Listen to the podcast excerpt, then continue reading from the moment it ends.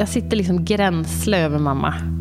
Hon känns liksom medvetslös, får ingen kontakt med henne, hon har slutat göra ljud och så hör jag bara liksom ett uh, ett jätte liksom ansträngt andetag som bara slutar mitt i. Och då så här. Okej, okay, nu dog min mamma. Fuck. Fuck, fuck, fuck, fuck, fuck, fuck, fuck. Och jag skriker det liksom att du lämnar inte mig. Jag hade liksom en tanke som gick eh, på repeat och det var så här. Du gav mig mitt liv. Och nu ska jag se till att du får behålla ditt. Det som skulle bli ett helt vanligt mysigt påskfirande hemma hos mamma höll på att sluta i tragedi för Julia Messelt. Med tio mil till närmsta sjukhus är det nu mycket som hänger på Julia om hennes mamma ska ha en chans att överleva eller inte. Det här är ett avsnitt som innehåller hela känsloregistret från hopp och förtvivlan till glädje och sorg. Du lyssnar på Hjältarna med mig, Jenny Burman. Det här är podden som handlar om civilkurage, där du får träffa fantastiska personer som Julia, som ingriper med mod och medmänsklighet i akuta lägen. Du som lyssnar är varmt välkommen. Nu ska du få höra på Julia och hennes starka berättelse. Den här händelsen utspelar sig i Duved, en mindre by med omkring 500 invånare som ligger cirka en mil väster om Åre. Julia är hemma hos hennes mamma och mammans man Åke för att fira påsk. Hon är där tillsammans med sin man och deras då två barn. Idag har familjen utökats med ännu en liten skatt. Till vardags lever Julia ett hektiskt liv i Stockholm, där hon jobbar som tv-producent. Det är stor skillnad mot livet i Duved, där hon är född och uppvuxen. Mamma och Åke bor i en gul enplansvilla i ett villaområde strax utanför byn med utsikt över skidbackarna. Precis bredvid längdspåren. Många barnfamiljer som bor där. Och lite så pensionärspar som dem. Så det är mysigt för barnbarnen när man kommer dit. Man har, kan bara bo liksom granne med längdspåret och pulkabacken och gångavstånd till skidbacken. Vi backar tre år. Mm. Och det är påsk. Finaste tiden. Älskar påsken. Och vi bor då hos mamma och hennes sambo, Åke. Menar, allt är precis som vanligt. Vi har varit ute och åkt skidor, solen skiner, ungarna käkar godis. Happy as ever liksom. Det är skärtorsdag och en härlig dag i Tända. Julia gör sig redo att krypa ner under täcket. Allt är lugnt, tyst och tryggt. Precis som det ska vara hemma hos mamma i Duved. Vår dotter som då är sex år, hon sover alltid hos mormor och muffo i dubbelsängen. Det, är liksom, det ändrar man inte på. Så hon ligger där och mamma har gått och lagt sig. Jag har gått och lagt mig. Eh, Vår lilla pojke sover. Även Åke är på väg att lägga sig. Men det är något som inte stämmer med mamma Annika. Han går därför in till Julia och ber lite försynt om hjälp och stöd i situationen. Jag vet inte, mamma verkar inte må, må bra. Det, känns, det är något konstigt med, med henne. Liksom. Och jag var så svintrött och precis somnat till. Och vad fan är det nu då? Och hinner bli lite arg, typ. Jaha, ja, och så kommer jag upp Eh, går in till sovrummet och märker att mamma är liksom åker liksom in och ut i medvetslöshet på något konstigt sätt. Jag får ingen kontakt med henne och hon, eh, och hon rör sig lite och så här, men hon reagerar, hon svarar inte på tilltal. Så det känns som att hon, alltså hon är igång men hon har liksom ingen, hon kommunicerar inte med någon. För både Julia och Åke är det uppenbart att allt inte står rätt till med mamma Annika. Åke tar upp telefonen för att slå larm. Samtidigt fortsätter Julia att försöka få kontakt med sin mamma. Alltså, mamma vakna, hallå! Liksom. Och jag märker att hon försvinner allt mer och mer och det är jätteobehagligt. Liksom. Och jag tror att det är min man som kommer in och hämtar vår dotter för att lyfta henne ur sängen och lägga henne in hos oss. Jag fattar på en gång att det här är inte normalt. Sen vad det var, det visste jag inte. Ett poddtips från Podplay. I fallen jag aldrig glömmer djupdyker Hasse Aro i arbetet bakom några av Sveriges mest uppseendeväckande brottsutredningar. Går vi in med hemlig telefonavlyssning och, och då upplever vi att vi får en total förändring av hans beteende. Vad är det som händer nu? Vem är det som läcker? Och så säger han att jag är kriminell, jag har varit kriminell i hela mitt liv men att mörda ett barn, där går min gräns. Nya säsongen av Fallen jag aldrig glömmer på Podplay. Förloppet går nu snabbt och för Julia står det klart att situationen är akut. Julia går in i ett vad hon kallar för robottillstånd där hon har superkoll och är handlingskraftig. Men också, det är liksom, det är, jag har väldigt tydliga minnesbilder. Jag, jag sitter liksom gränsle över mamma. Eh, som fortfarande ligger i sängen. Och jag eh, ruskar i henne, jag skakar, jag skriker. Jag är arg. Eh, och jag hör hela tiden i bakgrunden liksom den här osaliga anden Åke som vandrar runt och pratar med någon sjukvårdsrådgivning. Och liksom jag, jag bör, då börjar jag känna så här, vad fan är det här? Varför liksom... Jag märker att mamma försvinner mer och mer och jag börjar liksom slå henne. Och jag sopar på med handflatan i hennes ansikte, liksom det hårdaste jag kan. Och bara, nu vaknar du! Jag skriker, jag är vansinnig. Eh, och nu blir det jobbigt att prata om det här såklart. Eh, och jag skriker det liksom att du lämnar inte mig. Du gör inte det. Du lämnar inte mig. Eh, och jag tänkte också så mycket på hur eh, jag skulle berätta för vår dotter. Som har lagt sig liksom bredvid henne. Samma kväll. Och ja, hur jag skulle berätta att hon inte klarar sig. För jag förstod att det här är allvarligt. Men det som händer är att hon, eh, hon, eh, ja, hon känns liksom medvetslös. Får ingen kontakt med henne, hon har slutat göra ljud. Och så hör jag bara liksom ett ett jätteansträngt liksom, andetag som bara slutar mitt i. Och då så här. Okej, okay, nu dog min mamma. Fuck, fuck, fuck, fuck, fuck, fuck, fuck. Plötsligt befinner hon sig i en osannolik mardröm. Och hon förstår att hon behöver påbörja hjärt-lungräddning samtidigt som Åke fortsätter prata med 112. Nödsamtal om hjärtstopp har högsta prioritet. Och vi hör My Dina Hörting på SOS Alarm. Där arbetar hon vissa dagar med att ta emot samtal och andra dagar ansvarar hon för att hålla kontakten med ambulans som ska skickas till olyckan. Vid ett hjärtstoppslarm så skickar man fram all blåljuspersonal så fort som möjligt för att någon ska kunna vara på plats och hjälpa till. När Åke i detta fallet ringde 112 så kom han till 112-operatören och så fort den insåg att det var en person utan andning så tar man med en så kallad ambulansdirigent och räddningsåtgörare i samtalet. Och det är de två som pratar med ambulansen eller räddningstjänsten och larmar ut den. Och det här vet Åke inte om att det sker, för han hör inte dem. Men de hör honom. Vad gör en räddningsåtgörare? Räddningsåtgöraren larmar ut räddningstjänsten och ambulansdirigenten larmar ut ambulansen. Okej, så, alltså, så vid hjärtstopp är det så pass viktigt att no någon kommer så fort som möjligt så att ni larmar alla blåljus som finns, inklusive poliser, eller? Polisen kommer oftast också med i samtalet och om de har en patrull som är nära så skickas de också. Om de har möjlighet. Julias mamma bor ute på landsort. Ställer det andra krav på er i ert jobb när ni ska hjälpa till? Vi larmar ju närmsta och snabbaste resurs oavsett vart man bor så att hjälpen ska komma fram så fort som möjligt. Men när det är väldigt långt fram för vår blåljuspersonal så brukar vi försöka tänka lite utanför boxen. Vi har till exempel möjlighet att se vart alla hjärtstartare finns i landet och då kanske det finns till exempel en bensinmack i närheten som har en hjärtstartare. Då kan min kollega som sitter bredvid ringa till dem och be dem ta hjärtstartaren och åka till platsen. För att någon ska kunna hjälpa till så fort som möjligt. Hur vanligt det är att man tar olika roller så som Julia och Åke kan göra? Att Julia pekar med hela handen i den situationen och hon säger själv att hon blir kall som en robot. Det är också avgörande, tror jag. För någon vid en kritisk situation måste ta ledarrollen.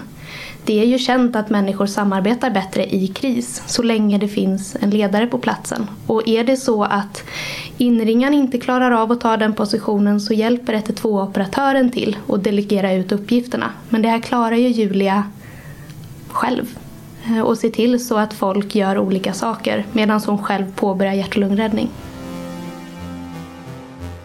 Vi är tillbaka hos Julia som har påbörjat hjärt-lungräddning på sin mamma. Och jag har gått liksom flera sådana där utbildningar eh, på olika, man har haft olika anställningar, liksom man har fått gå den där. Och jag är fortfarande liksom som en jävla robot. Och jag, då ropar jag till min man och bara Är det 32? Nu googlar du åt mig och kollar om det är 32. Och han bara, vadå? Superstissig så här. Är det 30 kompressioner och två inandningar? Jag vill veta det nu! Liksom. Och så körde jag bara på. Och, och är det någonting jag har lärt mig som jag också tycker är så här, gör någonting. Det var vad jag hade fått med mig från de här liksom utbildningarna. Att så här, skit i om du inte gör exakt rätt. Gör någonting, för det är bättre än att inte göra något. Liksom. Eh, så jag kör på eh, och jag känner mig så stark. Jag, känner, jag har så mycket adrenalin i kroppen. Och jag känner bara att jag kan göra det här i flera dagar om det behövs. Hon ska inte dö. Och jag minns så klart i mitt huvud att jag, jag hade liksom en tanke som gick eh, på repeat. Och det var så här. Du gav mig mitt liv. Och nu ska jag se till att du får behålla ditt. Och det gav mig liksom så jävla mycket kraft. Helt riktigt så är det 30 kompressioner och två inblås som gäller vid hjärt-lungräddning. Men allra viktigast är att göra något. Vid hjärtstopp tar det ungefär 3-4 minuter före man får bestående hjärnskador. För Julias mamma är läget akut. Jag kände mig väldigt ensam. Även fast jag hade liksom mammas man och min man och barnen var i huset. Men det var på något vis, det hängde på mig. Kändes det som. Eh, och det gjorde det rent fysiskt också. För jag tror att det kanske hade varit annorlunda om jag inte var där. Men jag tror att min sinnesnärvaro på något vis ändå behövdes där och då. Det är oklart hur länge Julia håller på med livsuppehållande hjärt-lungräddning före räddningspersonalen kommer. Julia har fullt fokus på sin mamma. Hon vet inte hur de kommer in eller vem som öppnade dörren. Men plötsligt står räddningspersonalen inne i hennes mammas sovrum. Som jag kommer från en liten by och det är ju ungefär 10 mil till närmsta sjukhus. Så kom ju frivilligbrandkåren allra först. Men det är också så här, det är ju fint att man kan skratta åt saker så här i efterhand. Men du vet, jag står där i någon så här sunkig t-shirt med så här, håret på ända och eh, så kommer så här de lite coola. De, en liten by så känner man ju folk. Eh, och så kommer det någon så här gammal dörrvakt typ. Och man så här, som man har så här tjatat sig in på krogen 15 år tidigare. Och jag minns att jag sa till eh, en av de här hjältarna som kom bara, det är lite körigt här. Det var liksom något så fint i den där situationen också. Man, man får en, en annan relation till folk liksom, när det blir skarpt läge. Men det som hände ur mitt perspektiv när kvalificerad vårdpersonal kommer är att jag såklart tar ett steg bakåt. Eh, jag ser ju när de limmar på de här plattorna på hennes hud. Eh, men så får man ju hålla sig undan. jag tror att jag kanske gick ut till min man då. Och, och han var ju helt förstörd. Också oerhört traumatiskt att vara så hjälplös och bara stå bredvid och se på. Jag kunde ändå liksom fokusera på en uppgift. Och jag var super... Jag var ju fruktansvärt rädd eh, och ledsen. Men höll ihop. Jag, jag kan inte förstå vart jag fick den kraften ifrån. Att sjukvården har kommit är en lättnad. Och även om det står klart för Julia att det inte är över så känner hon ändå att sjukvårdarnas ankomst är ett viktigt steg på vägen för att det ska bli bra. Men det är fortfarande kritiskt och helikoptern är på väg. Eh, för det är ju för långt, 10 mil blir för långt i ett hjärtstopp i, i ambulans. Liksom. Utan det är ju helikoptern som vi väntar på. Och den tror jag landade kanske vid skidbacken. De bor inte så fasligt långt från skidbacken. Så jag tror att de landade på en helikopterplatta där. I Sverige finns idag sju ambulanshelikoptrar som tar sig fram med en maxhastighet som motsvarar cirka 230 km i timmen. De används både som förstärkning vid svåra olyckor, men också vid långa avstånd när framkomligheten är svår. Henning Lundin arbetar i ambulanshelikopter och har koll på hur det funkar när en ambulanshelikopter sätts in. Vilka, vilka kompetenser är det som finns då uppe i en helikopter? Är piloten bara pilot eller kan den gripa in som sjukvårdare också? Absolut. Eh, piloten är, kan vara jätteviktig just eh, med jobbet på marken också. Eh, de har inga formella sjukvårdsutbildningar. Så. Däremot så innan de börjar så går de eh, hospiterar, praktiserar på både akutbil, ambulans eh, och lär sig basal eh, sjukvård, hjärt-lungräddning. Och framförallt ska de ha full koll på utrustning. Så att om, om vi ropar på dem att de ska komma med en spineboard eller en defibrillator, vad som helst, så vet de vad grejerna är och kommer och är behjälpliga. Och sen kan det vara så att eh, vi kan vara vi tre ute, långt ute på en ö någonstans där vi inte har några andra som hjälper oss. Och det kan vara långt att bära. Vi kanske landar flera hundra meter från patienten och då måste man ju konka och ta i och lyfta och, och massa sånt också. Då. Så att de är absolut eh, behjälpliga även med sjukvården. Julia hon var ju inte säker på att hennes mammas hjärta satte igång där i sovrummet. Men vad händer då i ambulanshelikoptern? Hur, hur fortsätter ni arbetet där?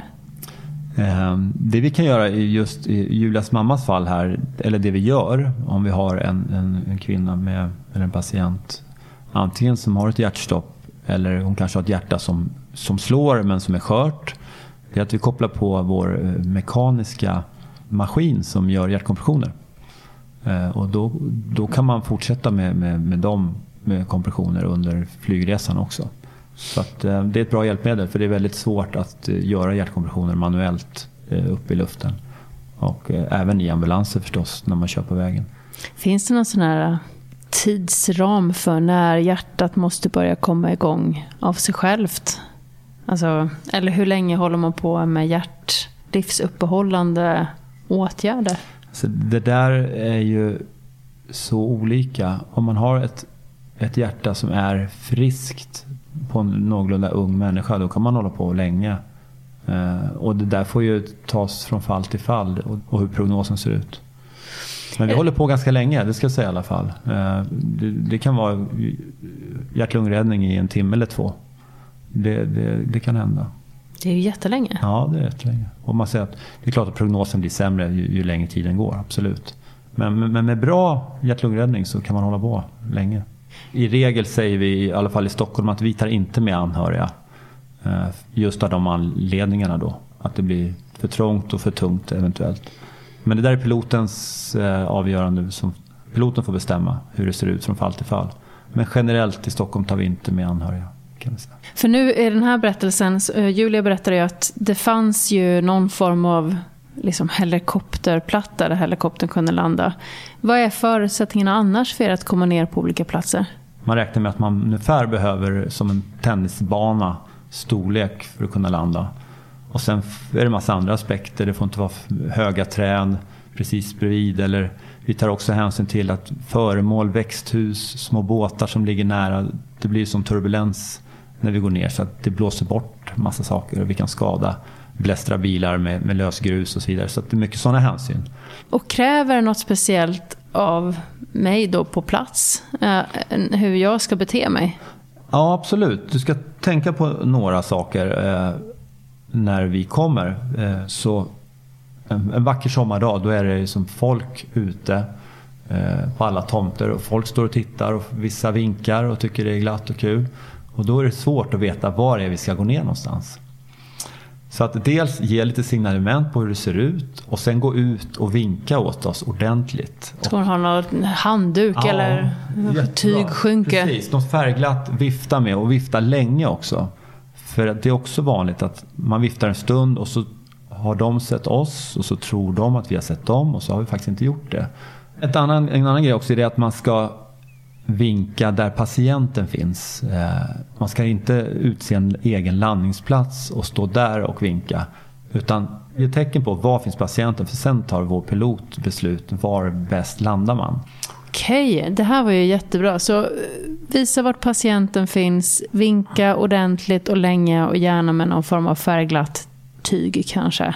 Och beskriv området Precis. och, och med kännetecknen. Och är det mörkt, som det ofta är i Sverige tyvärr, så kan man slå på varningsblinkersen på bil om man har det. På tomten eller blinka med utebelysning eller något sånt. Också jättebra, det syns jättebra från luften. Eftersom ingen anhörig fick plats att åka med i ambulanshelikoptern till Östersund bestämmer Julia och Åke att han ska åka i förväg med sin bil för att så snabbt som möjligt möta upp mamman på sjukhuset. Julia ska istället vänta kvar i hemmet i Duved tills dess att ambulanshelikoptern har lyft. Och jag gick ut och jag skulle typ ja, borsta av mammas bil. Ja, men så här, sätta in motorvärmaren typ. Och då är både mamma, sambo och jag på uppfarten till huset. Så kommer det ut någon ambulanspersonal och ska hämta någonting i ambulansen. Och så säger mammas sambo så här att hon klarar sig väl. Och så är det helt tyst. Ja, alltså hon, hon klarar sig väl. Ni kommer väl fixa det här? Frågan.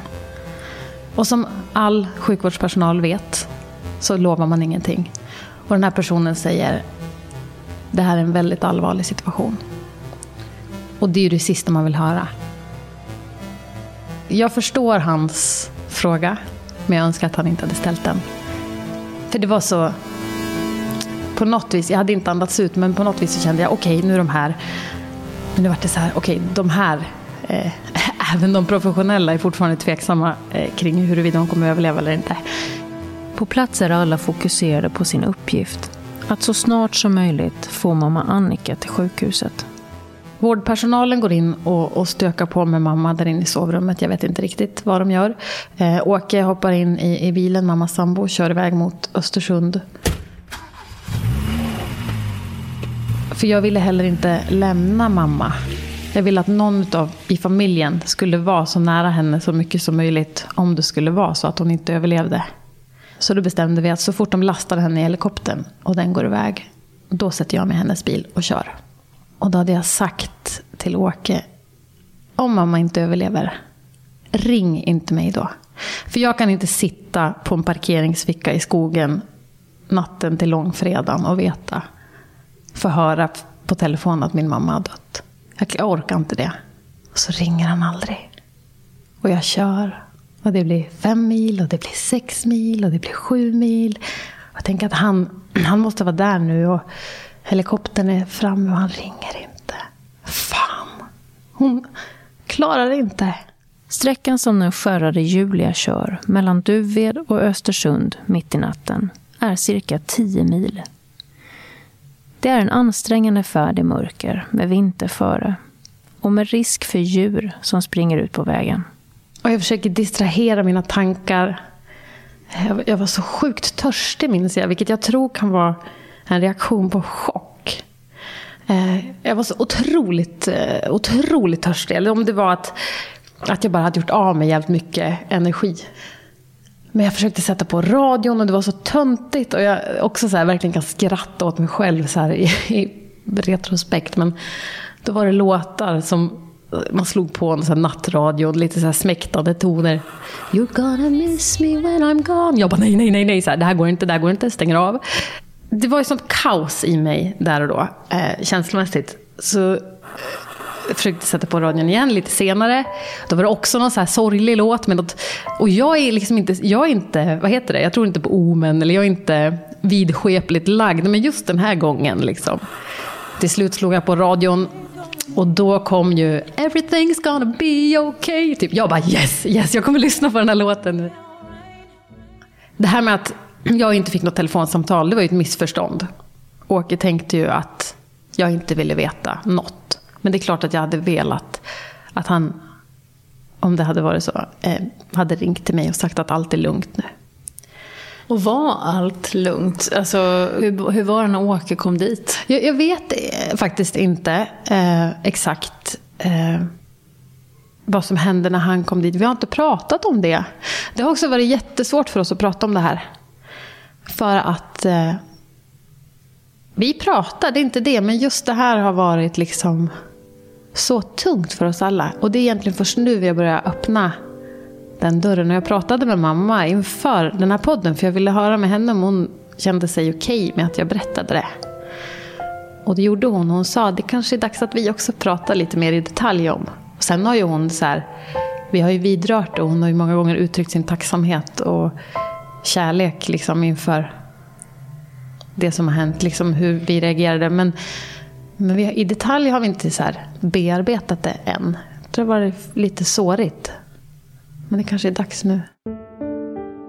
Julia kör försiktigt de tio milen och efter närmare en och en halv timme kommer hon fram till Östersund. Åker till akuten, parkerar bilen, kommer in, hittar typ inte. Inget folk. Ja, men det var väldigt lugnt den där natten. Och så, så töntigt, men jag, jag hittade en toalett, jag behöver gå på toaletten och kissa. och så bara, hur man är. Jag bara, när jag sitter där. Ja, då är det här alltså första gången jag kissar som, eh, ja, efter det att min mamma har dött. Så, alltså, vad är det med en? Så, så, sjuka, så sjuka tankar. Ja, det här är alltså den första kissningen i det nya livet. För så är det ju, när man förlorar någon, så fortsätter ju allting. Allting är som vanligt. Ungarna ska ha mat, du måste gå och kissa, folk går till jobbet. Allting är som förut, men ingenting är så längre likt i dig. Och det är ju räddningen, även om det är jäkligt tungt i början. Julia söker sig vidare inne på sjukhuset och hittar till slut en bemannad reception där hon kan få hjälp att hitta sin mamma. Hej, min, min mamma har fått ett hjärtstopp. Hon kom, kommer med helikopter från, från Duvet.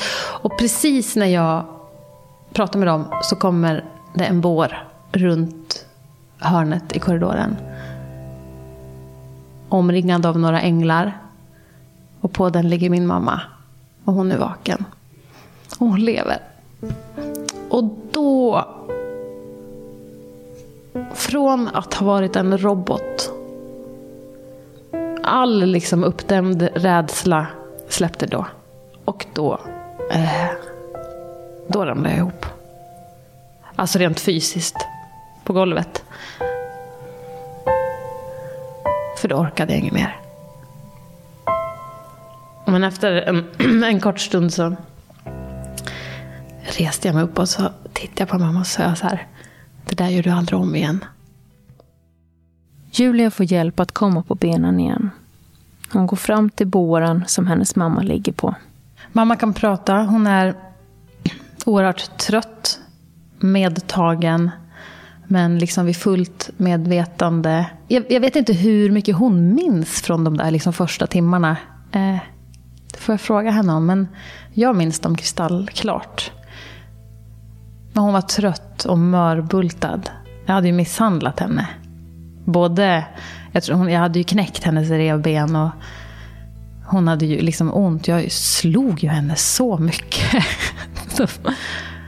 hemskt, eh, hemskt att tänka på. Men...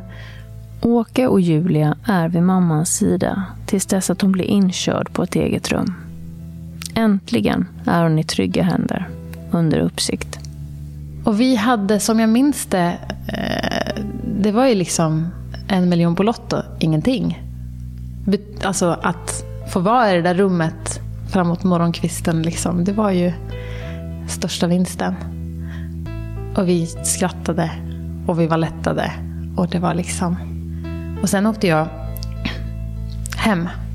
Jag var så trött så att i Tegefjäll, en liten by mellan Åre och Duved. Det är liksom ett fyra kilometer kvar hem då typ.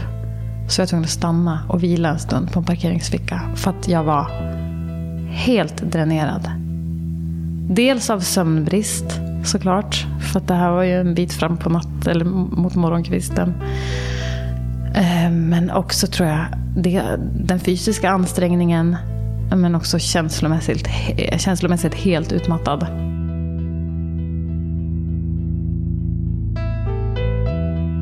Julias mamma överlevde och mår idag bra tack vare Åke som snabbt reagerade och Julia som handgripligen höll sin mamma vid liv. Mm. Och precis som Julia säger, så även om man inte gått en kurs i livräddning så är det viktigaste att göra någonting, att ingripa. Det är bara så ett liv kan räddas. Stort tack till både Julia och Julias mamma som tillsammans fattade beslutet om att dela med sig av deras berättelse. Tack också till My Adina Hörting på SOS Alarm för kunskap och insikt om kritiska nödsamtal och Henning Landin för ett ja, så kallat helikopterperspektiv vid livräddning. Jag som gör den här podden heter Jenny Burman och jag hoppas att du lyssnar snart igen. Hej då! Med stolthet vill jag presentera att Slumpens hjältar görs i samarbete med SOS Alarm som varje år tar emot över 3 miljoner samtal. Att ringa nödnumret 112 kan vara livsavgörande och en stor hjälp för SOS-operatörerna att kunna skicka rätt hjälp till rätt plats. Jag är också väldigt stolt över samarbetet med Ett poddtips från Podplay. I fallen jag aldrig glömmer djupdyker Hasse Aro i arbetet bakom några av Sveriges mest uppseendeväckande brottsutredningar. Går vi in med hemlig telefonavlyssning och, och då upplever vi att vi får en total förändring av hans beteende. Vad är det som händer nu? Vem är det som läcker? Och så säger han att jag är kriminell, jag har varit kriminell i hela mitt liv men att mörda ett barn, där går min gräns. Nya säsongen av Fallen jag aldrig glömmer på Podplay.